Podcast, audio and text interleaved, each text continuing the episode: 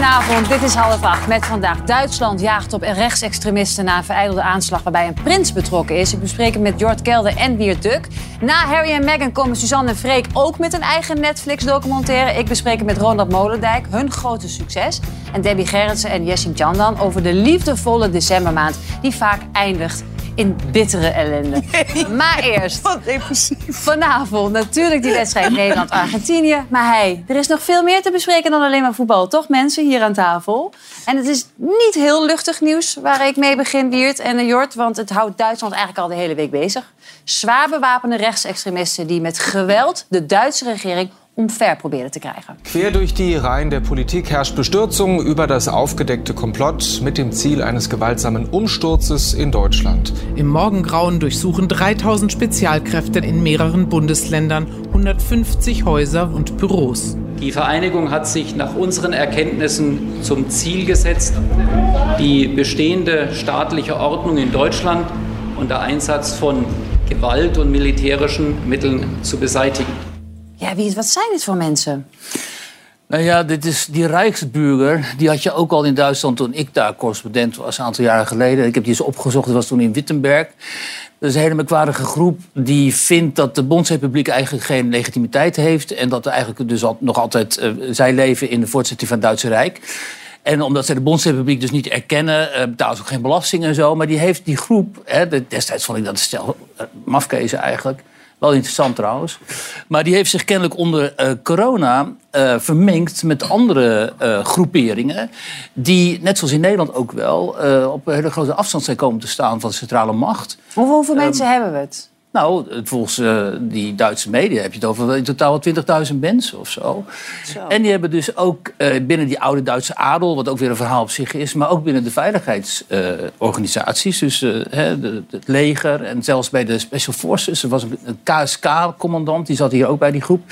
Hebben ze kennelijk ook gehoor gevonden en met elkaar, althans een deel daarvan, hebben ze dus plannen beraamd, ja, ik moet een beetje om lachen, om dus daar de macht te grijpen. En dan moest die rare prins die we daar afgevoerd zagen worden, die overigens is uitgestoten door zijn familie, vooral deze zomer, omdat die familie ook vond dat huis, Royce heet het geloof ik, die vonden ook van met deze man willen we niks meer te maken he- hebben, daar, daar zie je hem. Ja, want, Jort, hè, want als we het over adel hebben, dan hebben we natuurlijk Jort Kelder hier aan tafel. Die heeft er gewoon hele series over gemaakt. Ja, maar deze, de- ken, ken jij deze familie waar deze prins toe behoort? Nou, de- hem ken ik zeker niet, maar je komt wel. Ik ben eens een keer bij die Schaumburg Liepen, ook een van die prinselijke families daar eh, geweest. En die, die zitten dan ook wel weer ergens hier aan vast. Of ze zitten ook ergens aan de Oranjes vast. Want dat is allemaal met elkaar getrouwd in de 19e eeuw meestal. Ehm, want dat, die oranje prinsen hè, en prinsessen die konden niet zoveel kiezen. Die moesten protestante huisindruk hebben. Dus dan kwamen ze daar. Maar ehm, ja, kijk, in die adel is natuurlijk altijd een autoritaire stroming geweest. Je moet je voorstellen dat Duitse Rijk, tot, in ieder geval tot de Frans-Duitse oorlog, tot, de, tot, tot Bismarck zeg maar, dat één land maakte, waren dat allemaal landjes. En eigenlijk zijn ze tot 1917, 18 doorgegaan, door allemaal een beetje koninkje te spelen van hun land. Een stuk of dertig van dat soort types had je. Ja, die hebben natuurlijk een zeker verdriet dat het over is. Want dat, dat was natuurlijk een goede oude tijd. maar zou dat tot op de dag van vandaag nog een oud zeer zijn dan bij deze adel? Ja? Nou, ze zijn ook vaak onteigend. hè. Ik ken een vriend van mij, een Duitse vriend, is prins. Die stamt dus uit zo'n geslacht Ja. in Oost-Duitsland. En zijn vader, die kan het nog altijd niet verkroppen. Die is inmiddels heel oud, maar die kan het nog altijd niet verkroppen... dat ze dus eerst zijn onteigend door de nazi's... Ja. en na de oorlog nog eens een keer door de communisten. Dus die zijn alles verloren, hè? dit soort, eh, dit soort ge- oude geslachten vaak. En dan heb je wel de titel van prins, maar je, bent, je hebt gewoon een uitkering bij wijze van spreken. En wat in dat oosten van, wat deze familie zit ook in Turingen, dat is het oosten van Duitsland. Daar heb je ook wel een soort voedingsbodem voor dit soort autoritaire clubs voor. Want die zijn natuurlijk heel lang, hebben ze hè, totaal geen contact gehad met democratie. Hè? Want eerst nazi's, vervolgens communisten. Nu is een deel van die mensen die daar woont in het oosten van Duitsland, is ontevreden met, eh, zeg maar, met het eh, centraal gezag. Ja, die zijn toch heel vatbaar voor dit soort eh, clubs die dan gaan samenzweren en zo. Ja, ik vind het echt een heel Maar- fascinerend verhaal. En dan toch nog weer even naar die prins. Was hij wel een beetje het brein achter dit hele, hele Daar verhaal? lijkt het wel op, volgens mij. En, eh, ik, denk, Ja, hij ik weet niet of hij nog het geld had. Meestal hebben ze niet zoveel geld meer. Hij had wel centjes. hij heeft namelijk wel Ja. echt geïnvesteerd in wapens, in munitie. Ja. Ja. Zodat Ja. ze dus inderdaad die koep konden plegen. Hij moest ook de baas ja. de nieuwe leider worden hè, in, maar, in maar Duitsland. wat jij zegt heel goed weer. De, de, de grootste frustratie was natuurlijk dat het huis in het oosten is vervallen. Dus dat is eigenlijk aan de communisten vervallen. En dat, dat is al die families gebeurd. En eh, je moet je voorstellen, prins Bernhard, zijn familie van Liepen... eh, die hebben, hadden ook een huis Rekkenwalde. In, in- volgens mij is dat nu Polen. En die heeft als een van de weinigen in de jaren zestig... eh, in zijn eentje kunnen regelen dat ze het huis terugkregen. Dat dat, dat, dat gewoon weer in de familie Omdat valt. hij bij de Oranje zat en die macht had? Of Nou, ik denk waar- dat er wel iets mee van doen had, ja. Ja. Dan kom je wel wat makkelijker binnen. Ja, maar dus heeft Ehm, hij op die manier gewoon kunnen zeggen... weet je wat, dit was ooit van mijn familie, ik wil het eigenlijk wel weer terug hebben? Nou ja, goed. En, en later, na de val van de muur, zijn natuurlijk wel een aantal van die Oosterse goederen teruggegaan. Dat is wel zo, dat konden ze wel doen. Ik weet niet of het Maar er is heel veel rancune Ja. hoor bij Ja. die mensen. En terecht natuurlijk ook, want je zal maar alles ontnomen worden. Ja. En, eh, Maar het is natuurlijk niet terecht wat er nu allemaal vereideld is. Het is Nee, doodeng wat daar gebeurt. Nou ja, ja Dan een staatsgreep te plegen. Ja. En het Maar was er is iets gebeurd zoals in Amerika als, als de politie hen niet had tegengehouden? Ja, dat het was een bestorming van de Capitol, bedoel jij? Ja. Daar zag het dus naar uit, want ze werden dus gevolgd. En binnen die groep werd gezegd, we moeten nu echt haast gaan maken en zo. Die staatsgreep moet nu ongeveer gepleegd gaan worden. En toen hebben dus die speciale diensten in, ingegrepen. Maar, vergeet niet, in Duitsland heb je natuurlijk... Je hebt de hele geschiedenis van terreur, hè? de RAF en zo. De, extreem linkse terreur heb je daar gehad. Maar ook de NSU bijvoorbeeld, neonazi-terreur. Die, die hebben heel veel mensen vermoord. Maar als we even kijken naar het scenario en het was gelukt... Ja. en ze hadden een poging kunnen doen, wat hadden zij voor ogen dan? Want dan, dan, dan waren, ze, dus- waren ze Ja, binnen. wat ze wilden is dus ehm, eh, optrekken naar de Bondsdag. En dan moest tegelijkertijd de stroom worden uitgeschakeld. Dus dat de, de groot deel van Duitsland dus in de, zonder stroom kwam te zitten. En ze hoopten dat er dan zo'n paniek zou uitbreken... dat een groot deel van de bevolking, daar hebben ze zich natuurlijk compleet in vergist... zich bij hen zou aan, aansluiten. Want kennelijk vinden zij in hun tunnelvisie... dachten zij van wij staan eigenlijk voor een heel groot deel van de Duitse Ja. burgers. Wat natuurlijk helemaal niet zo is. Maar Dat is ook grappig. 20.000 is ook best wel veel, toch? Ja, maar kijk, 20.000 20.000.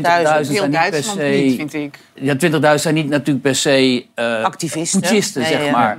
Maar nou ja, in Nederland heb je natuurlijk ook tijdens de coronademonstraties gezien hoe snel zo'n, zoiets zich kan uitbreiden. hè. En Mensen die- Zeggen ze dat ze geïnspireerd zijn door de, nou ja, de bestorming van het Capitool in Amerika? niet, dat We hebben laatst een Kamerlid van Forum voor Democratie gehad... die natuurlijk zei, laten we naar het parlement rennen. Hij heeft Ja. niets gezegd een staatsgreep volgens mij. Maar, Nee. Eh, maar zit dat sentiment zit er wel in. Nou, dit vind ik een belangrijke constatering inderdaad. Dat, dat on, ik denk dat corona is echt cruciaal geweest voor eh, ehm, dat een heel groot deel van de burgers zich afgehaakt voelt van zeg maar, het centraal gezag.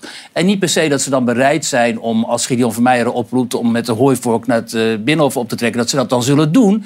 Maar die Gideon begrijpt wel heel goed dat er dus onder een deel van die mensen dit sentiment heerst.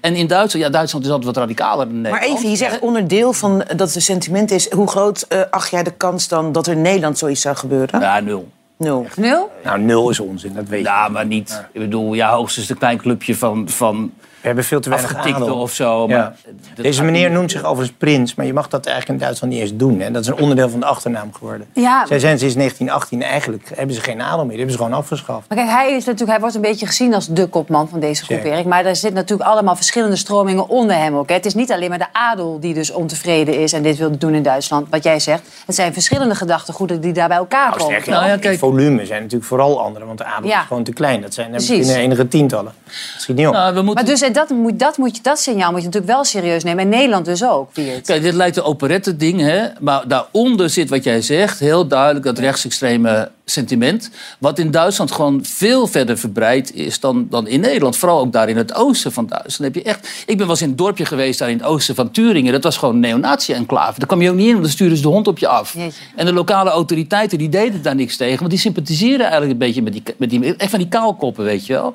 En dan, dan- Ja, ja, jij had te veel haar om binnen te komen. ja, en nou ja, eh, ja, ik, nou ja, ik kwam er in ieder geval niet in. En eh, dat ze, maakten me, ze, eh, ze maakten me gewoon bang. Maar ze hebben ook toch een, een, een Europees internationaal netwerk. Want ze hebben ook contact met, ook in Nederland, toch? Dat hele rechtsextremisme, nazi's. Ja, alleen dat, Ze hebben wel dat een netwerk. rechtsextremisme in Nederland is natuurlijk nooit echt van de grond gekomen. Dan heb je over de Nederlandse Volksunie en zo, weet je wel. Terwijl daar in Duitsland, tot, tot in die alternatieven voor Duitsland, wat in het parlement zit, Ja. heb je echt rechtsextreme e- elementen. Een van de koep, vermeende Ja. of Dat koepplegers was een. AFD-mevrouw uit Berlijn, die werkt als rechter. Rechter. Rechter, ja, en nou, zij is een complotdenker. Ja, Ja. werkte. Maar dat, dat ging even in mijn hoofd komen, kortsluiting. Ik denk, hoe kan dat maar dat is die radicalisering. Die, nou, Ja. Maar die hebben ik ken wel meer mensen die ook. Dat keurige opleiding hebben en ineens plop gaan. Ja. Ja, Maar geloven, eh, je, Ben je maar jij de gelooft toch ook in, eh, in, in, in dat we worden bestuurd door reptielen? Ik bedoel, dat is toch net zo absurd? ja. Ja, maar daarom zei ik, wat is de, hoe groot is de kans dat er in. Nederland gebeurt? Omdat wij hier natuurlijk ook best wel veel complotdenkers hebben gekregen sinds corona. Ja, maar in Duitsland heb je gewoon echt veel meer hardcore nazi's. Heel simpel. Echt van die kaalkoppen die de straat op gaan Ja. met die vlaggen. Dat je denkt, daar moet ik even niet tussen terechtkomen. En dat zie je toch in Nederland veel minder. Die heel veel brandstichtingen ook in huizen hebben Nou, toen, weet je nog, bij die vluchtelingencrisis destijds hebben ze gewoon... eh, Ook een Turks gezin. Maar wat zegt het nu dat ze even, gebeurt het ook. toch even tot slot, wat zegt het dat ze zijn opgerold? Daarmee is het natuurlijk die angel er niet uit, want het is er nog Dat de steeds. veiligheidsdiensten in ieder geval goed functioneren. Ja. Nee, Dat, dat, ja, compliment, toch? Ja, dat kun je wel zeggen, inderdaad. Maar En- daarmee zijn die 19.000 sympathisanten zijn nog niet verdwenen met het verijdelen van dit. Nee, dit sentiment in Duitsland, en, en, maar ook elders, ook in Oost-Europa en zo, dat, dat zul je altijd houden. Ja. Dus het is zaak dat die veiligheidsdiensten dat goed in de gaten Ja. blijven houden. Ehm, deze week, ja, toch wel een beetje het mediamoment van de week, Jort Kelder, denk ik. Het is veel besproken. Ik kijk naar Ehm, tv, vertel. Ja? Maar jij kijkt nooit tv, hè? Nou, echt zelden, toch? Of helemaal nooit? Heb je gezien dat Jan Slachter als Sinterklaas in de studio kwam? Ik zag dat hij bij me in de studio was, althans eh, vermomd. Ja. Hij zat bij jou Het aan was heel gênant, hè? Ja. Was dit jouw idee? Nee, nee, nee, zeker niet. Maar ik wist wel dat hij zou komen, jawel. En, maar dan zeg je, maar daar had je ook zin in? Zeg je leuk Nou, idee, ik zei, gaan we doen? zou, zou- zouden we dat nou wel doen? Nee, maar het wordt heel leuk, hoor. Nou ja, goed, daar verschillen de meningen dus inmiddels over, begrijp ik, ja. En wat, want dat doe je, ik weet hoe het is, live televisie. Ehm, Het was, het was ergens helemaal in het eind van het programma, een Ja. paar minuutjes. Hè? Ja. En eh, hij schoof daar aan. We wisten niet helemaal wat hij ging zeggen, maar dat kwam wel goed. Hij is basis van een omroep. Ik bedoel, het is min of meer zijn eigen programma. Dus ja, hij kwam iets vertellen. Hij had het al gedaan voor al het personeel van, eh, van Omroep Max.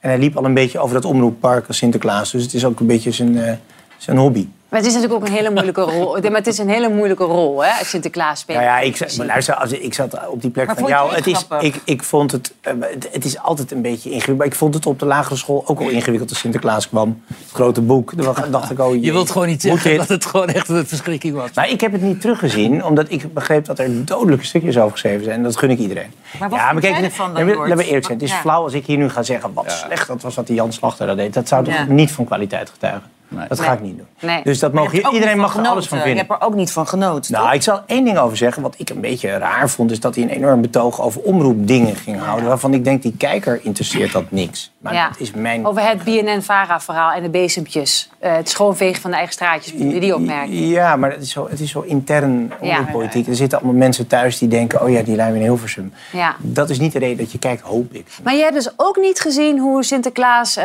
Je mag het, start het in, dan kan ik het ook even zien hoe erg. Nee, we hebben volgens mij, dat, daar hebben wij geen beelden van. Wat, Oh, wij, mooi zo. wat wij graag wilden laten zien. Want je hebt, we hebben drie Sinterklaas gezien. Kees van de Spek bij RTL Oh, we krijgen de grote Sinterklaas. Maar wij hebben ook onze eigen directeur, Marco Laurens. Ik weet niet of jou die naam iets zegt. Ik ken hem, ja. Nou, Ja. eh, ken jij het programma Vandaag Inside?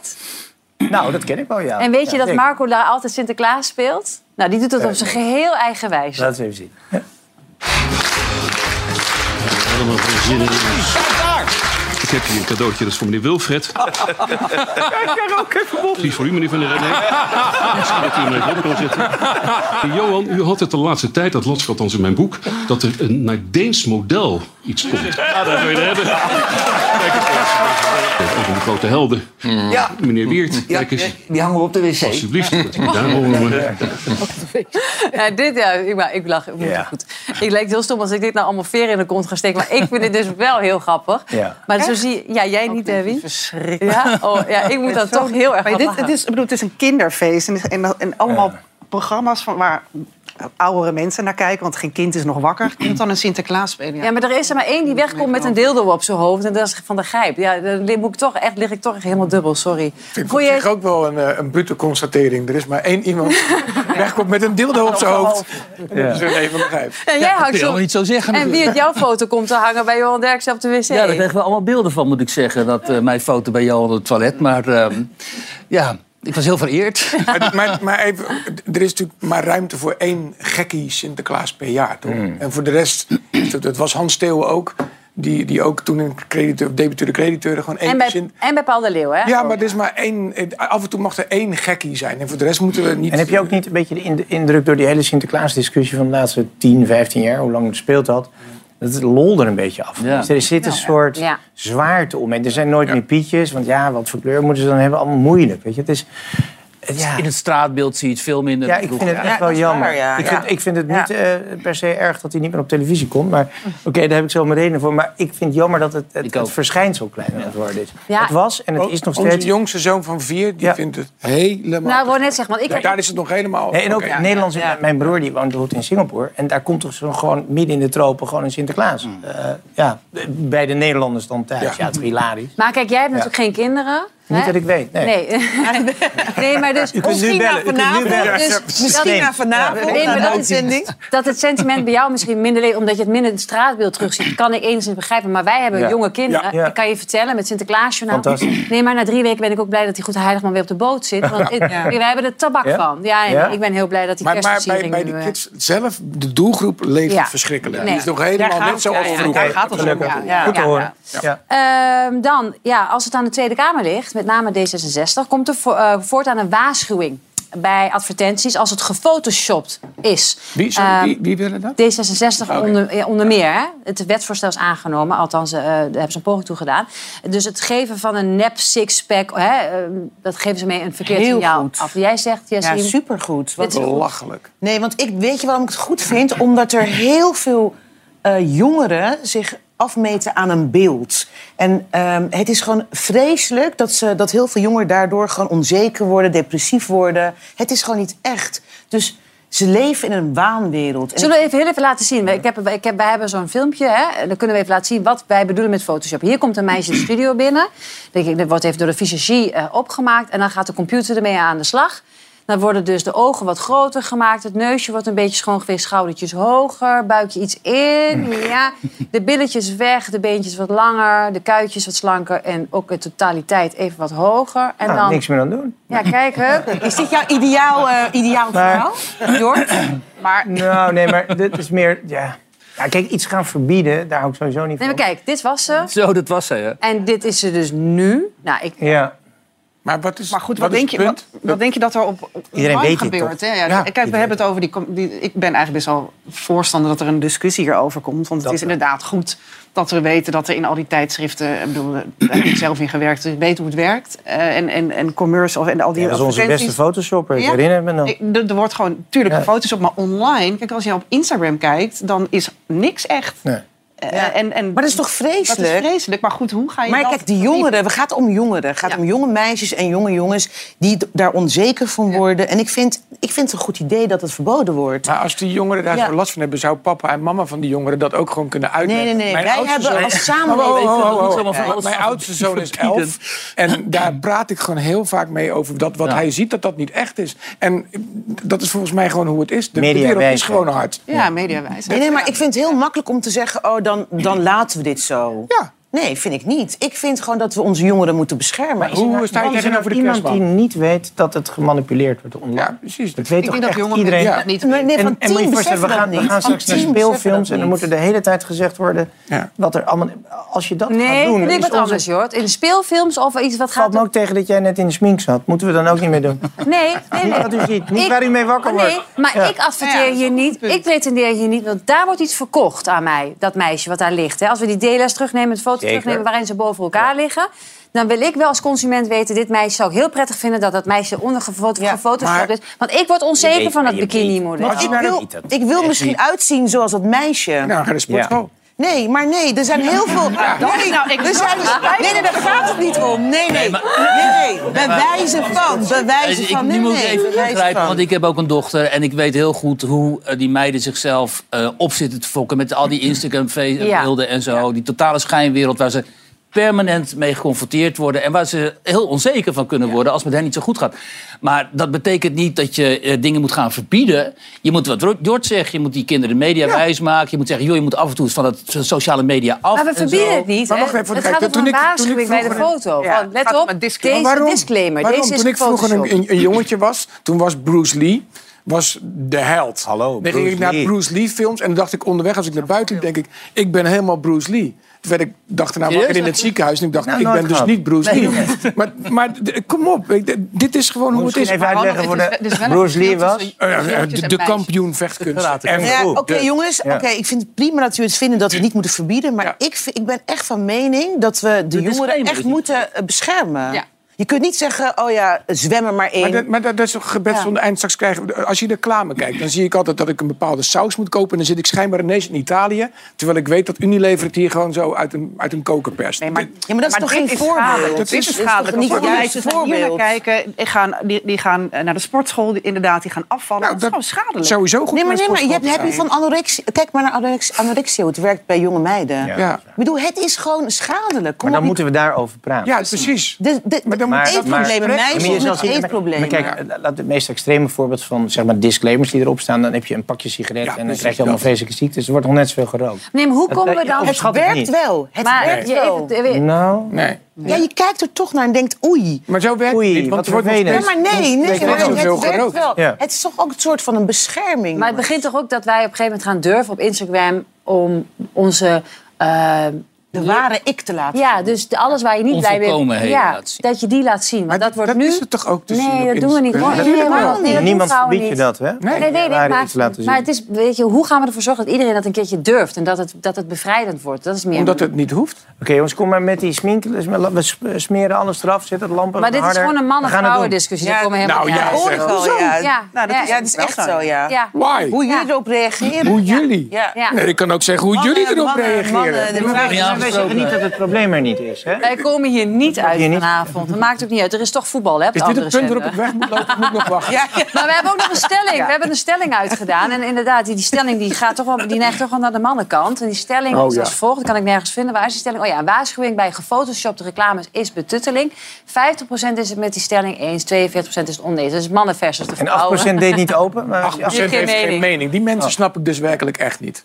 Er zijn mensen zonder geen- mening. Nee, dat kan jij je niet voorstellen, maar Molenbeek. gelezen. D66 niet. ja, precies. Ze bestaan. Ja. Na Harry en Meghan eh, zat iedereen hier eigenlijk natuurlijk al lang op te wachten. Suzanne en Freek, zij krijgen nu ook een eigen documentaire op streamingdienst Netflix. Dames en heren, jongens en meisjes. Suzanne Ik wil gewoon wat privé is, moet gewoon privé zijn. Dat Het is gewoon heel bijzonder dat de twee nuchtere achterhoekers... die gewoon landelijk bekendheid krijgen.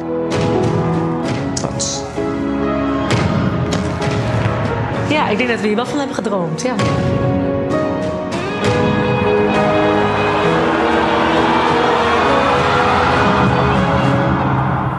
Ja, bij ons gaat hij erop. Want zij worden, ik kan echt bijna geen nummer meer van zorgen. Wij draaien dit grijs in huis. Nou. Ja, Suzanne en Freek. Ja, Moeten je- we ook even praten straks buiten de uitzending. Ja. Dat is voor stuk. Maar ehm, ik vraag me ook af, ben je nog wel een grote tegenwoordig als je nog geen documentaire hebt? Nee, omdat het een extra verdienmodel is. De, de platenmaatschappijen zien dat daar vraag naar is. Netflix die wil heel graag content over ons heen spugen. En, en dus is die markt daar. Dat is wat er gebeurt. Maar zij verdienen natuurlijk op geen enkele manier nog een documentaire. Als je zo jong bent, zo gelukkig samen bent. Bedoel, Maar wat dan? Je vindt niet dat dat een goede basis is voor een documentaire? Dat mag niet. Dat Nou, zijn kijk, niet weet eh, je, goede Meer ellende. Ja, er zou een Je soort moet eerst gaan scheiden. Nou, er moet een soort ondergrens zijn. Dat je, weet ik veel, de, eh, Keith Richards, dat is documentaire waardig. Da- Dan heb je een leven, dan ben je geweigerd in Amerika. Je, je bent gevlucht, want je mocht geen... Dan. Maar dat is toch niet aan ons om te bepalen wie het Dat, nee, dat is? is het ook niet. Maar de, vraag de is kijker besluit toch uiteindelijk? Ja, precies. Maar de kijker, die, ja, die, die, die vreet dit. Het zal je verbazen, denk ik, hoeveel Ja. mensen dit gaan Ja, dat is hetzelfde met de André Wie Hazes is nou fan documentaire. van, van hen? Veel, nou, ik vind Heel veel niet. mensen. Nee, als je, Maar wie luistert nee, maar naar goed, de als je op Spotify kijkt, Nou, zijn er heel veel Naar luisteraars. thuis. Ja. Want wat vroeg jij je af dan? Nou, maar ik ken niemand die naar hen luistert in mijn omgeving. Nou, nee, ken jij mij? Zijn, maar goed. Wie, hier, kijk, hier wie zitten mensen dat? hoe, Ja, hoe. Ja, Kijk, deze hele? Ja. afdeling is op één na. Nou, echt, ik heb nog nooit eh, een, een lied van hen gehoord. Zullen we- en ik nou, vind daar het zo gaan we- niet interessant. Maar dat is niet... Dat is niet de, Oh, de- kijk, er zijn. Ja. honderdduizenden mensen per als maand die het eh, wel luisteren. Ja. Wat zeg jij, Weert? Ik zei tegen Jesse, ik zou me oppassen met wat je zegt. Wat hier. dan? Nou, ze leeft, Jesse leeft duidelijk in een bubbel waar ze eh, Suzanne en Freek niet kennen. Ja, Nee, nee, Ik- of- ik ook, nou, hoor, misschien maar heb ik juist dat een leuke bubbel, omdat ik hen niet ken. Zo kun je het Nou, ook kijken. algoritme, algoritme van Spotify bepaalt het maakt het uit of, voor je. of wij het Dat is hier aan is. tafel wel of niet Niks leuk mis met die. Nee. mensen, maar dat ze een documentaire krijgen is natuurlijk heel vreemd. Maar goed, dat is wat jij zegt. Netflix moet die content maken per Ja. land, hè, ook eh, nationale content. Dus dan krijg je zoiets. Nou, ik vind het prima hoor. Ja, maar even, we zitten nu te kwaken drie minuten lang of het wel of niet. Maar is het, wat gaan we zien? Ik bedoel, zijn die mensen echt interessant? Wat, Ja, ja, ja. ja. Nou wat is ja. het spannendste aan Suzanne en Freek? Nou ja, zij hebben gewoon een, zij- hun carrière is gewoon echt sky high gegaan. En zij Ja. hebben echt, zij, alle records naar records verbreken zij. Kijk, het is natuurlijk wel een beetje... Dat vind ik wel onbegrijpelijk. Nee, maar kijk, het is. Ja, Oh ja, nu. Wiert, ik zou als jou eens even goed, oppassen. Maar kijk, Suzanne Freek is gewoon een beetje de witte brood van, van muziek. Het, het, het is er. Ja. Snap je? En er zit, vanaf nu, vanaf dit moment zijn ze heel groot. En ze kunnen op een gegeven moment gewoon nog groeien naar een stadionconcert. Maar dan is het in Nederland wel een beetje klaar. Ja. Kijk, volg bijvoorbeeld Davina en Michel. Dat is even iets anders. Die is ook ge- hè, als een raket gegaan. Maar die focust nu heel erg op Duitsland. En ik als kijker, maar goed, dat ben ik. Ik ben vooral geïnteresseerd in waar het misgaat. Want dan kan je zien wat, wat de groei is. Ik zou, weet je wat, ik ga voor jou... Laten we even gaan luisteren. Dit zijn wat liedjes van ze. Oké. Blauwe dag, als het donder. Ik kan dit niet hebben als het avond is. Ik heb je vaak gemist, inderdaad. Stel hier aan de overkant, maar ik kom hier vandaan. Ik heb de wereld dicht gedaan. Heel zacht. Laat me maar even kwijt. Ja, lief, hè? Allemaal. Zeg, het is een beetje een soort van Lief. Nederlands country-achtig. Het is gewoon eh, Radio 2. Het is, het is, het is heel erg Ja. middle of the road muziek. En die muziek is er ook. In- Nee, ik in ben toch meer is denk van? Bluff en De. Dijk. Het mag allemaal, jullie er- meningen. Er gaan toch ook verhalen dat zij een open relatie hebben? Kijk, om even wat juice Oh, Ju- gooien. jij wil meteen Juice er even in gooien. Ah, ja. Documentaire wordt steeds interessanter. Ja, opeens. Kijk, nu ga ik misschien wel De- kijken. wie zegt dat? Is dat zo? Nou, Ja, ik hoor wel eens wat. Open Heeft alleen. Freek een open relatie. Ja. Dat ook. Vaak zo, hè? Eh, relatie. kijk, maar de mensen die hem voorgingen met eigen documentaires... ik zal even wat namen noemen... zijn bijvoorbeeld André Hazes, Louis van Gaal... Snelle, Fred Ja. van Leer, Badahari, Famke Louise... Anna Nushin, Jan Smit. Dus we kunnen wel echt concluderen... dat hier inderdaad wel een verdienmodel waarschijnlijk aan Een trendje. Dat er een trend gaande is. Heb jij niet een eh, eigen documentaire op de rol staan, eh, Waar gaan we het hier nou over hebben? Ronald Molendijk? Nee. Ja, jij bent beste vrienden met Erland Galja, dus aan jouw netwerk zal het niet liggen. Ik heb namelijk in de wandelgangen gehoord dat het wel zo is. Nee, absoluut Daar niet. hebben we Gaat bewijs niet voor. Hier, kijk maar, de naakte waarheid. Wat is dit nu? Met Ronald Molendijk. Oh, Oké. Een sportschool. Zie je het? Ik ga ook naar een sportschool, hoor. Ja, dan tot slot, eh, net als De bij de, do- ook. bij de docu van eh, Harry en Meghan... heeft het Britse Koningshuis ook op deze docu nog eh, geen officiële reactie gegeven. Dan ophef om het nieuwe BNN-VARA-programma. Kraken doe je zo. In deze serie laat reporter Sahil Amar Aisha zien... hoe je een pand kraakt. Tot eh, ja, woede van de VVD. Die vinden dat staatssecretaris Oesloe moet kijken... of de beelden verwijderd moeten worden. Hebben jullie eh, daar iets van meegekregen, Debbie? Heb jij?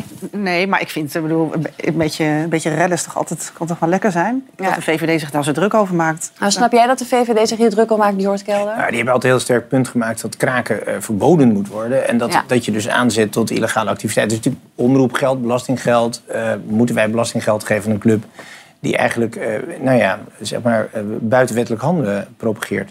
Ik vind het een beetje klein, want ik hou wel van een beetje anarchie. Kijk, in de stad, hier, we zitten hier in Amsterdam, maar niet zo ver hier vandaan had je vroeger wat kraakpanden, ook aan de, zeg de rafelranden van de stad. Het waren altijd kunstenaarsplekken. Ik weet dat het juridisch niet mag, maar het is wel tof dat er wat van die plekjes zijn eigenlijk. Maar of je het nou moet propaganderen is wat anders. En als ze in mijn pand zouden zitten, zou ik ook de ME bellen. Ja, ik wou net zeggen, want als het bij jou gebeurt en, en ze, ze breken in... Ja, dat mag niet, het gewoon diefstal, klaar. Mag natuurlijk niet. Maar ze zeggen natuurlijk, we doen het om ook ehm, ja, aan de kaak te stellen eh, hoe het staat met weet je. Het is Nou, als we iets aan de kaak willen stellen bij BNN Vader, heb ik nog wel een paar andere thema's die we kunnen aankaarten. Allemaal. Ja, Ja. nee, maar kijk, het is vanuit een jongere blik. Eh, deze jongen heeft, geloof ik, die het maakt, die heeft dus ehm, heel lang moeite gehad om een woning te vinden. Is uiteindelijk nu wel gelukt. Maar die is natuurlijk daardoor geïnspireerd geraakt. Want ik, Ja, ben, ik heb een bepaalde leeftijd, ik heb geen geld om een huis te kunnen kopen. Eh, er is enorme leegstand. Eh, daar Maar is er nou enorme leegstand? Dat hoor ik dan mensen wel zo. Is dat nou zo? Ik geloof... Enorme leegstand. Wat heeft een vastgoedbelegger eraan als die leegstand heeft? Dan verdien je Nou, niet zoveel. Dus er is een leegstand. Er is, Ja, er is altijd leegstand, natuurlijk. nou ja, ik geloof even uit mijn hoofd. Hè. Nu ga ik cijfers noemen. Meer kantoren die leeg Ja, die precies. omgebouwd moeten worden Ja, huizen. en dat zijn dan toch 200, 200 tot 217.000 panden. Dat is best veel, hè? Panden wel. Ja. Eh, Nou ja, goed. En als je hier door Amsterdam, door de Kalverstraat en de grote straten bovenin 200.000 zijn al die kantoorpanden panden leeg. hè. Alles is leeg ja. daarboven. Daarboven, ja, dat is waar. Dat Maar, is een... maar alsnog vind ik het natuurlijk wel raar dat, eh, dat, dat we een tv-programma hebben die dan eigenlijk mensen inspireert om te kraken. Dat vind ik wel echt wel. Ik vind dat niet meer rebels. Ik vind het echt best wel illegaal. Dat niet kunnen. spuiten en slikken. Daar werd je eigenlijk aangezet om drugs te gebruiken. Daar Ja, het vind ook, ook een beetje ik vind fout. anarchistisch. Nee, nee, nee. Ik vind, ik vind je kunt het niet vergelijken met eh, drugs, spuiten en slikken. Nee, vind ik niet. die gaat toch niet ook voor je Beter even lekker de spuit in je arm dan een pandje kraken. Ja? Maar jij, Wiert, ik neem aan dat jij ook zwaar Spuiten en slikken anti, ging niet over een spuit in je arm, maar dat is een ander zwaar anti-kraak bent. kraken. Het is, gewoon, het is gewoon illegaal, crimineel. Dus als je dan een inderdaad programma maakt waarin je criminele activiteiten aanmoedigt, ja, dat eh, deugt niet. Ik vind ook weer wat anders dat de overheid, dat de VVD dan gaat zeggen dat, dat, dat die beelden dan niet mogen. Zo, dan denk ik ook van, joh, dat zijn wel belangrijke zaken. Ja. Maar als je dit inderdaad zo'n programma bedenkt, ja, dan, dan zoek je inderdaad de grenzen van de wet op. Maar goed, dat vond ik met spuiten en slikken ook al. Dat wilde ik ook niet dat mijn kinderen daarna zouden kijken. Dat vond ik wel een asociaal programma. Maar vonden jullie het ook in de jaren tachtig al asociaal? Want jullie zijn, Ja. toen waren jullie natuurlijk jonger. En Jullie. Ik ben net, ja, ja, ja, ik was net geboren, hè, dus eh, dat kraken ging een beetje aan mijn neus voorbij. Maar ik kan me die beelden natuurlijk ook herinneren. Al die mooie zwart-wit foto's die je ziet. Maar dat gebeurde, dat ging echt met de harde We hebben hand. er mooie foto's aan overgehouden. Dat Ik je- Ja. kraken- Ja. Dat kraken, dat, daar- dat vond ik destijds ook al eh, heel bedenkelijk. Omdat je daar binnen het krakersmilieu had je zware criminaliteit ook. Ja. Hè? En eh, er zijn gewoon mensen vermoord ook hè, binnen dat, dat milieu. Dus dat was helemaal niet iets eh, wat ik aantrekkelijk vond. En ook merkwaardig, heel veel buitenlandse krakers. Ja, heel veel. Dat, maar je denkt, ja, wacht nou even, dat is nou niet... Ja, gaat naar een ander land toe en Het dan ga was een serieus probleem, hè? In Ja, die het was een enorm probleem. Maar volgens mij is het wo- woning verkrijgen als je jongere bent en uit huis gaat nu ook een serieus Ja, probleem. ja, dus ik snap dat er een omroep is die gewoon zegt, nou, Ja. er zijn ook andere manieren om te doen. En daarnaast ben ik van mening dat de VVD sowieso zijn mond moet houden zolang die huidige chef VVD daar zit die alles met zijn telefoon vergeet enzovoort. Bedoel, die heeft Wat helemaal heeft geen er- recht van spreken. heeft dat er mee Omdat maken? hij aan de lopende band zeg maar, laat zien aan de- het volk hoe je niet om moet gaan met de wetjes en de regeltjes. Die man weet nooit meer ergens iets van. Heeft als enige Nokia waar die alles. Ik, ik trek dat heel slecht. Maar dat Ja, is een heel heel ander ander verhaal. gesprek hier. Nee, het is wel een ander gesprek, maar. Ja, dat is Maar weer het slaat als een tang op een varken, maar mag. Ja, dat mag. Dus, maar jij vindt dus dat hij geen recht van spreken heeft... omdat hij zelf allerlei... Ja, kijk, de- deze overheid. Het is nu toch zo'n hele- heel mooi ding dat, dat eh, de, de Volkskrant is al anderhalf jaar aan het vragen om inzage in allerlei papieren. Twee rechters hebben gezegd: jullie moeten dat geven, overheid. En de overheid zegt: gaan we gewoon niet doen. Dat denk ik echt van, maar dat is het signaal. Dus wat je uitstraalt als overheid, en dan moet je niet draaien. Over welke andere papieren heb je... Nee, maar dit is toch... Ja, maar Ja, jij hebt had het toch over kraken Ja? Je kan Ja? toch niet een WOP-procedure nu afzetten tegen... Oké, dan mag je dus ook... Nou, dan je- pak ik straks ook jouw auto uit de parkeergarage. Dan moet je ook niet denken dat die van jou is. Die van ons allemaal. Ja, dan houdt Nee, maar daar op. gaat het niet om. Het gaat heel erg om het signaal Ja. dat, er, dat er duidelijk een eh, gevoel is dat mensen gewoon zeggen: ja, maar ik kan gewoon nergens wonen. Dus Nee, ik ga op een andere nee, manier. maar dat, kijk, op zich, dat ja, maar dan moet je het ook niet 1980 veroordelen. Kijk, dat we in 19, maar dat hoor je mij ook niet veroordelen per se. in VVD 1980 wel. hadden wij grote eh, problemen inderdaad met krakers. We hadden denk ik relatief minder woningnood dan nu. Ehm woningnood die overigens voornamelijk komt omdat er alleen maar meer single huishoudens komen. Dat is een constatering. Je kunt ook dichter op elkaar gaan wonen. Ik ben bang dat dat ook een van de opties is die we moeten bewandelen. De Nederlanders wonen relatief ruim. Hè. We wonen ruimer dan Duitsers. En ik gun iedereen een groot huis. Alleen ja, ze zijn er dat dus is wel niet. een beetje mythe. Maar, maar het is gek dat de jeugd niet in opstand komt op een hardere manier. Dat, Dat is valt het, mij wel op. Dat Maar wat is het signaal van dit programma nu? Wat, wat, wat, Nou, het signaal wat Signaal. zegt. Dit Dat kan hij- ook. want dit, dit is ook een mogelijk. Dit- dat kan ook. Niet, oké. Ja, nee, Ja, maar Want je hebt je dus, we constateren dat er dus woningnood is in Nederland. En die is ernstig, want heel veel jongeren kunnen Ja. geen woning vinden. Dan kun je een programma maken over de woningnood. Maar wat gaan zij doen? Ze gaan zeggen, ga maar kraken. Nee, zij dat zeggen, is toch niet logisch? Zij zeggen, dit kan ook, want aan de andere kant wordt heel gezegd... je moet gewoon wachten of je moet met vier mensen in een huis gaan wonen enzovoort. Dat kan ook, maar dit kan ook. Maar wat vindt Hugo de Jonge eigenlijk Nee, dit kan hiervan? niet, Daar want ben ik het wel benieuwd naar, Die toch? vergeet sowieso heel Ik bedoel, snel wat hij ergens van Hij is hier verantwoordelijk voor. Ja. Die vindt vandaag iets, belooft hij morgen iets... en dan over de dag daarna is hij het compleet Ik vergeten. bedoel, jij hebt het over Mark Rutte, maar wat vindt Hugo hiervan? Hij is hier Wij verantwoordelijk gaan, voor. er, wij gaan er even uit voor de break. Dan ga ik, eh, zo meteen ga ik in gesprek. Hij zit al aan de bar klaar, de presentator van eh Mokro Insight. Want na de winst van eh, Marokko op Spanje barstte Noordin in tranen uit voor de camera van de Telegraaf. Terecht. Mijn leeftijd, dit is alles. Ja, dat is... Gefeliciteerd. Dankjewel. Ja, er is nu ook een wedstrijd gaande, maar morgen ook. Want dan speelt Marokko tegen Portugal. En straks, waarom worden er na kerst meer scheidingen aangevraagd? Tot zo. Ja, dat hoor je. Ja, welkom terug bij half acht. Alles om uw poes mee te verwennen, ook als u een kaas heeft. Nou zeg! We zijn begonnen. Jeetje, jeetje. Is de slogan Spreek voor jezelf. van een kattenspeciaal zaak. En Oh. vandaag is de slechtste slogan van Nederland bekendgemaakt. Straks dan de winnaar. Maar eerst hebben we even een overzichtje van wat wij allemaal voorbij hebben zien komen. Iedere paal gaat erin. Wilt u ook een kale poes? Regelrecht van kippenkont naar mensenmond. Dat doen jullie ook vrouwen. Dat doen ze wel, maar we knippen ze niet. Mijn ballen wegen 130 gram. Een timmer timmert, een tandarts boort. Want wij zitten lekker in Velsen Noord. En omdat hij eigenlijk zo stomzinnig was, hadden we zoiets van meteen erop. Ja, die is wel geestig, hè, hoor. Maar sommige waren zo plat. Oei, oei, maar ik heb zo... Ja, ik hou dus kennelijk van hele platte humor. Heb je nog steeds met die poes hang je nog steeds? Het, ja, het heeft te maken ook met een klein beetje opvoeding, denk ik. Mijn moeder moet dan ook altijd heel hard lachen. Maar het kan nog slechter, hè? Even de winnaar van Het vandaag. kan altijd zijn. Kijk, de- Door de jaren heen worden altijd de slechtste slogans van het jaar verkozen. Ja, het kan altijd slechter. Ja. Wat ik tegenkwam is keuzestress. Wij helpen je graag met een worst-kaas scenario. Worst case scenario is Oh, dan... maar niet dat alleen al, dat je hem... Er, vis, er eenjarig, hoera, hoera. Oh, die is ook Van een vis erg. speciaalzaak. Even de, drum, de drums. Ja. Die vis is in ieder geval nog niet jarig. Allemachtig. nee, dat is een foute vis. Eh, zorgcentrum met kruispunt is Ja. de winnaar. Ja. Maak van uw kruis geen punt. Kom naar het kruispunt. Zo typografisch. Goed. Heel lelijk, hè? Ja. Ja, toch even een applaus voor deze slogan. Ja. Nou ja. Gekscherend, hè, mensen? Maar wie, wie heeft het bedacht, bijvoorbeeld? Ja, we gaan er niet over doorpraten. Dit was het. Want ik wil heel graag naar Noordin. Want die zit Jammer. lekker aan de bar. En dat is een heerlijk onderwerp. Marokko morgen. Hè? En oh, Noordin, Noordin. Wat was jij toch... Jij was zoveel in het nieuws deze week. Je bent echt een beetje de ster van de week. Jij barstte ook gewoon in tranen uit voor de camera van de Telegraaf. Dat ging als volgt. We zijn toch! Nummer 1! Gefeliciteerd, man! Ja, dankjewel. Je hebt het er moeilijk mee ook! Ja, het is gewoon...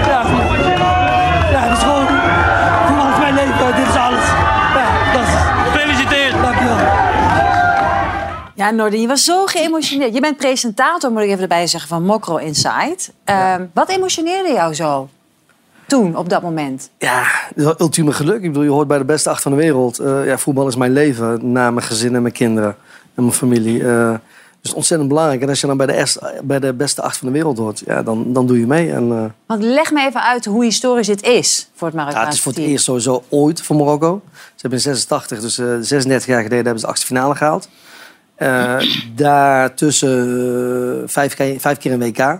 Dus het is niet zo dat Marokko elke vier jaar naar een WK gaat. Dus, eh, ja, dus het is- dit was uniek. En je ziet het ook, die blijdschap bij die mensen. Ik was niet de enige die aan het janken was, hoor. De- normaal ben ik best nuchter. Maar ja, als je, je ziet mensen gewoon huilen, alle generaties. Dus eh, ouderen van 60, 40ers, 30ers. Maar ook kinderen van 18, 16. Ja, iedereen deelt dit mee. Ik bedoel, dit maak je misschien één keer in je leven mee. En Ja. eh, dat is nu 2022 dat we dat meemaken. En wat maakt deze ploeg dan zo goed, denk jij? We hebben sowieso ijzeren discipline. We hebben afgelopen jaar natuurlijk best veel... Ja, we een lastige trainer. Sieg werd niet opgeroepen, er waren problemen. Een aantal aan- andere sterren werden ook niet opgeroepen. Nou, op een gegeven moment nieuwe bondscoach, Marokkaan. Twee maanden geleden opgeroepen. En nu is er een klik. Sieg is weer terug. Ehm, ja, en, en ze hebben honger. Je ziet het gewoon. Ze vechten echt als leeuwen. Is niet toevallig de bijnaam, de, ja, de leeuwen van de Atlas. En ze vechten ook echt Ja, als de leeuwen. leeuwen van de Atlas. Ja. Dat vind ik ook echt heel mooi. En wij hebben ook ontzettend honger. Leeuwen hebben altijd honger. En wij hebben ook honger. Dus wij willen gewoon die titel willen pakken. eten. Ja, 100% Maar Noordin, kijk, zoals je weet, hè, zoals dat gaat in talkshows eh, en in het nieuws. Want eh, er waren voor, voornamelijk natuurlijk gewoon juichende mensen op straat. Maar eh, wat we deze week ook zeiden, tussen juichen en redden is soms een heel klein dun lijntje. En dan ha- haalt het toch weer negatief, weet je, wordt het weer negatief Ja. belicht in de publicitite. Ook door die railschoppers. Ja. Hoe heb jij daarna gekeken? Ja, ik baal ontzettend. Het- begon tegen België. We wonnen die wedstrijd tegen België. Ehm, en de volgende dag wordt ze gebeld door alle media. Niet met de vraag, Noord, een fantastische overwinning op België. Ja, hoe kan dat en noem maar op. Nee, eh, het, eh, nou, het is weer uit de hand gelopen. En hoe komt dat? Eh, nou, ja, het rot is dat ik me moet gaan verklaren als Marokkaan zijnde waarom dat gebeurt. Alsof jij dan verantwoordelijk bent Ja. voor al die mensen met een Marokkaanse ja, achtergrond. Als jij fan bent van Ajax en de Ajax... Twente. Ja, het, oh, FC Twente. en, en, nou, Twente supporters die kunnen er ook wat van. Ja. Eh, maar die zullen nooit jou bellen. Van, Elke eh, dag word ik op aangesproken. Heel Toch wel? irritant. Nee. Nee, maar dat, Nee, dat- ik, dat ja. maakt het lastig. Dus, maar ik snap het wel, eh, want het is gewoon wat er gebeurt. Ja, en die rotte appels die moet je gewoon keihard aanpakken. Ja. Simpel. Ik moest zo lachen, want jij presenteert dus Mokro Inside. Eh, want hoe lang, hoe lang doe je dat nu? Tweeënhalf jaar. Tweeënhalf Ja. jaar. En ehm, eh, nou, dit is natuurlijk voor jou, dit zijn glorieuze dagen. Ik bedoel, jij weet niet wat je meemaakt. Dat is ook te zien aan jouw manier van presenteren. Jij gaat helemaal door het dak. Nederland heeft het goede voorbeeld gegeven. Wij, mm, paella op het menu. Dit is Mokro Inside. Het liefste zou ik nu een potje janken, maar dat doe ik niet. De achtste finale. Wij zijn er! Wij zijn er! Dik smaal zie je op mijn gezicht. We zijn toch! Nummer 1! Yes! Welkom terug bij Mokro Inside. En het is een feit, de achtste finale! Ik word er echt blij van. Wat gaat er gebeuren met jou als jullie naar de finale gaan? Hoe zit je er dan bij? Dan, eh, dan ga ik drie salto's doen op tafel. Tegen Oh. Nederland, hè? Tegen Nederland? Ja, het zou mooi zijn. Ja, Maar fantastisch zijn. echt, ja, maar het is ook echt het is je gegund sowieso. En we genieten echt volop van je. Jessim, jij hebt een column geschreven Ja. over het team. Ja, zeker. Ehm, Turkije Want doet dus- niet mee, dus... ja, daarom... Nee, Nee, nee, maar er sprong ook iemand voor jou uit. Er sprong een speler voor jou uit. Hakimi. Ja. Ja, ja, Kijk me niet zo bang aan. Jij moet dit nu inkoppen. Nee, ik dacht, ik sprong, ik sprong een speler voor me. Ik denk, maar wat dan? Nee, ja, ik, vind- ik vind het gewoon super wat jij zei ook over team. Ze hebben echt een missie wat, wat ze aan het doen zijn met elkaar. Weet je, ook dat ze ook voor Abdelhak Nouri, eh, eh, nummer 34... Ze, ze, hebben, ze, ze vechten voor Afrika, voor Marokko. Vind ik zo mooi. En dat Hakimi dan naar zijn moeder zo rent. En noem het emotioneel, maar ik vind het echt liefde. En ze pakken elkaar vast en hij geeft zo'n... Nou, dit dus. Nou, ik vind het zo mooi. En het verhaal van hem ook. Zijn moeder was schoonmaakster, zijn vader straatverkoper. En ze waren zo arm. En dan nu zorgt hij voor de familie. Ja, ik vind het echt fantastisch. Ja, heel er zit lief. zoveel liefde en passie in. Dus daarom gun ik ze ook de finale tegen Nederland. Ja, maar Wat wordt dat als het een finale tegen Nederland? Wordt het een veldslag dan?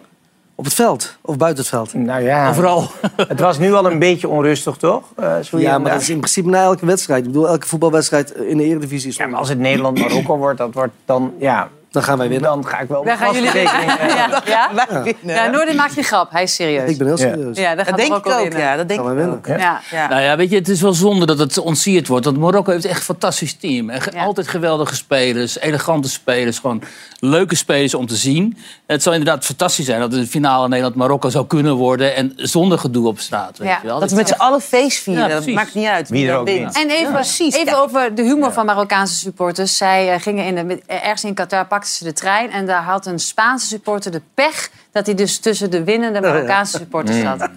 Wat, welke is dat?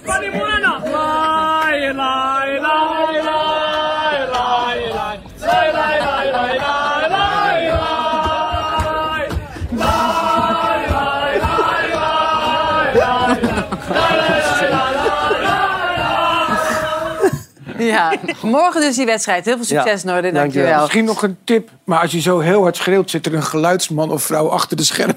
waar de koptelefoon van open ik, ik, krijg, ik krijg elke uitzending krijg ik een nieuw geluid. Ja, precies. Ja.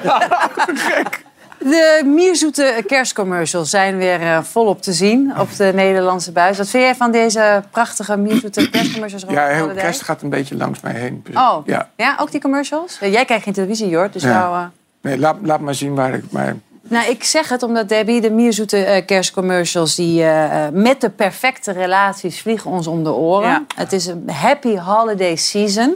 Eh, het lijkt allemaal gezellig. The most wonderful time of the year. Ja. Maar Nou, laten we even het gevoel gaan creëren met al die commercials op een rij.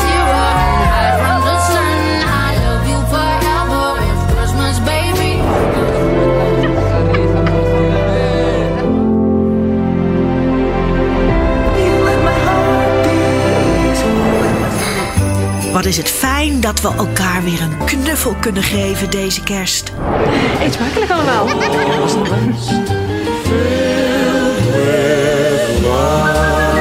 En iedereen was samen. Ja. Ja. En toch zijn er superveel scheidingen na de kerst. Ja. Sorry voor deze boodschap. Goeie binnenkomer. Debbie, hoe kan dat? Nou ja, kijk, het is natuurlijk lief en fijn en gezellig. Hè? Zo'n, zo'n- wat we allemaal zien, die beelden. Maar, ehm, ehm, en het is ook echt niet zo dat, eh, dat stellen op eh, kerstavond elkaar aankijken en denken... nou, eh, het, het is nu wel klaar met jou. Eh, zo is het natuurlijk niet. Hè? Er is natuurlijk een aanloop. Maar tijdens de kerstdagen zit je veel bij elkaar. Je, de druk, de- dat kan wel eens een snelkookpan aan ellende eh, zijn. eh, met, met je schoonfamilie Ik zie Jort de hele tijd lachen. Ja, ik denk dat hij... ken mooi. Ja. Ja. Ja. Dus eh, ja, na, na het gaat kerst... vaak op tweede kerstdag uit, hoor. Gaat het mis, ja. Is heb jij die ervaring? Nee, Vertel, niet, vertel. niet zelf. Nee, ik, ik ben, van de langdurige relaties. Is altijd stabiel. Dat is bekend. Toch? Wat? Dus, een, eh, ja. Ik hoorde Ga maar niet. even door. Ik heb een heel interessant verhaal. Wat wilde je vertellen? Ik miste hem. Dus ja, na, na de kerst eh, ik, ja, gaan veel, eh, worden veel scheidingen aangevraagd. Het is natuurlijk ook zo, hè, het nieuwe jaar start. Mensen hebben goede, goede voornemens. Denk ik, ik ga het dit jaar eens helemaal anders doen. Ik ga het eens even Met een ja, ander. over een andere boeg gooien. Dus eh, de, de, de, ja, de scheidingen aanvragen lopen op na de kerst. Heb jij ook eh, oplopende emoties tijdens de kerst? Wie het duk? Het hele jaar door eigenlijk. maar maar het, het onderzoek wijst dat ook uit. Hè? Dat eh, vakanties en feestdagen, dan ja. zitten mensen op elkaars lippen... en dan begrijpen ze eindelijk hoe zat ze eigenlijk van elkaar zijn. En dan gaan ze scheiden en daarna krijgen ze weer spijt en zo. Weet je, je weet hoe het gaat.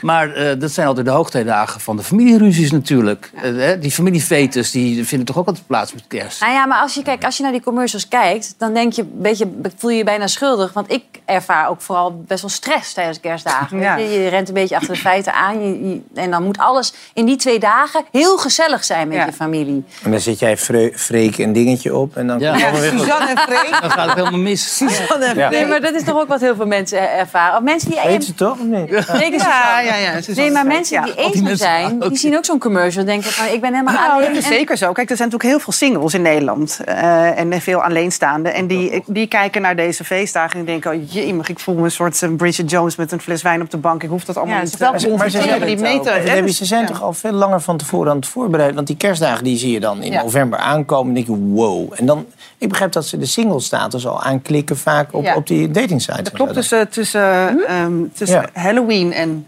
Valentijn. Ja, dus zeg maar, dat, dat? dat noemen ze Ja? cuffing season. Dat noemen Hoe? ze Cuffing? cuffing season. Dus de cuffing als in Oh, handboeien. handboeien, ja. Ik dacht Dus- hoesten. Nee, ja, dat kan ook, maar eh, Ja. dat is ook zo. Maar nee, het cuffing season. En, en singles zijn dan vooral op zoek naar gelijkgestemden... om, eh, om de feestdagen mee door te komen. Een beetje opportunistisch, maar eh, het werkt wel. Maar Dus, eh, begrijp ik het dan zo dat rond, jullie eh, daar eigenlijk onder al die commercials ook een waarschuwing willen hebben? Eigenlijk dat wel. het- Oh, dat jullie? dit is niet echt. Ja, jullie aan deze kant. Aan deze kant zijn Het is jullie. niet gezellig. Ja, ja, ja, En je schoonmoeder komt ook. Nee, inderdaad.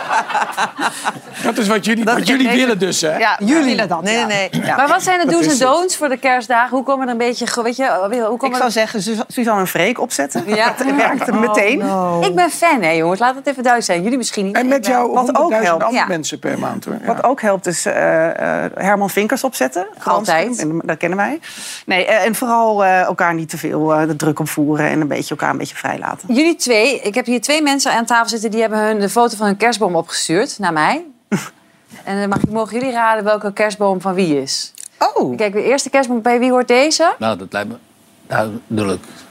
Deze is Ik doe er geen uitspraken over. Waar wil je denken? En dan even de volgende. Ik heb er maar twee. Laten we die andere foto even zien nog snel. Ja. Dus deze is van of Wiert of Jessim. En die andere is van of Wiert of Jessim. Nou, welke Het is is het? wel een leuk spelletje. Nou, kom zeg. Deze is van Jessie. Jort, raad maar. De eerste was van Weerde. Nou, helemaal goed. Ja. Klassiek kastje. Maar ik heb er één, hè? Je hebt er een, maar geen ballen, of wel Wiert? Alleen maar Ja, lichtjes. Alleen maar lampjes. En is deze Ja. echt? Nee, die is ook niet eens. Die Nee, ik heb een echte, ik heb de een echte. We moeten wel terug naar de echte... Zo'n Ja, inkopper. Ja. Maar geen ballen, hè? Maar Wiert. goed. Zullen we daarmee afsluiten? Maar geen ballen, Wiert Wiert. heeft geen ballen. Is Wiert het. heeft geen ballen.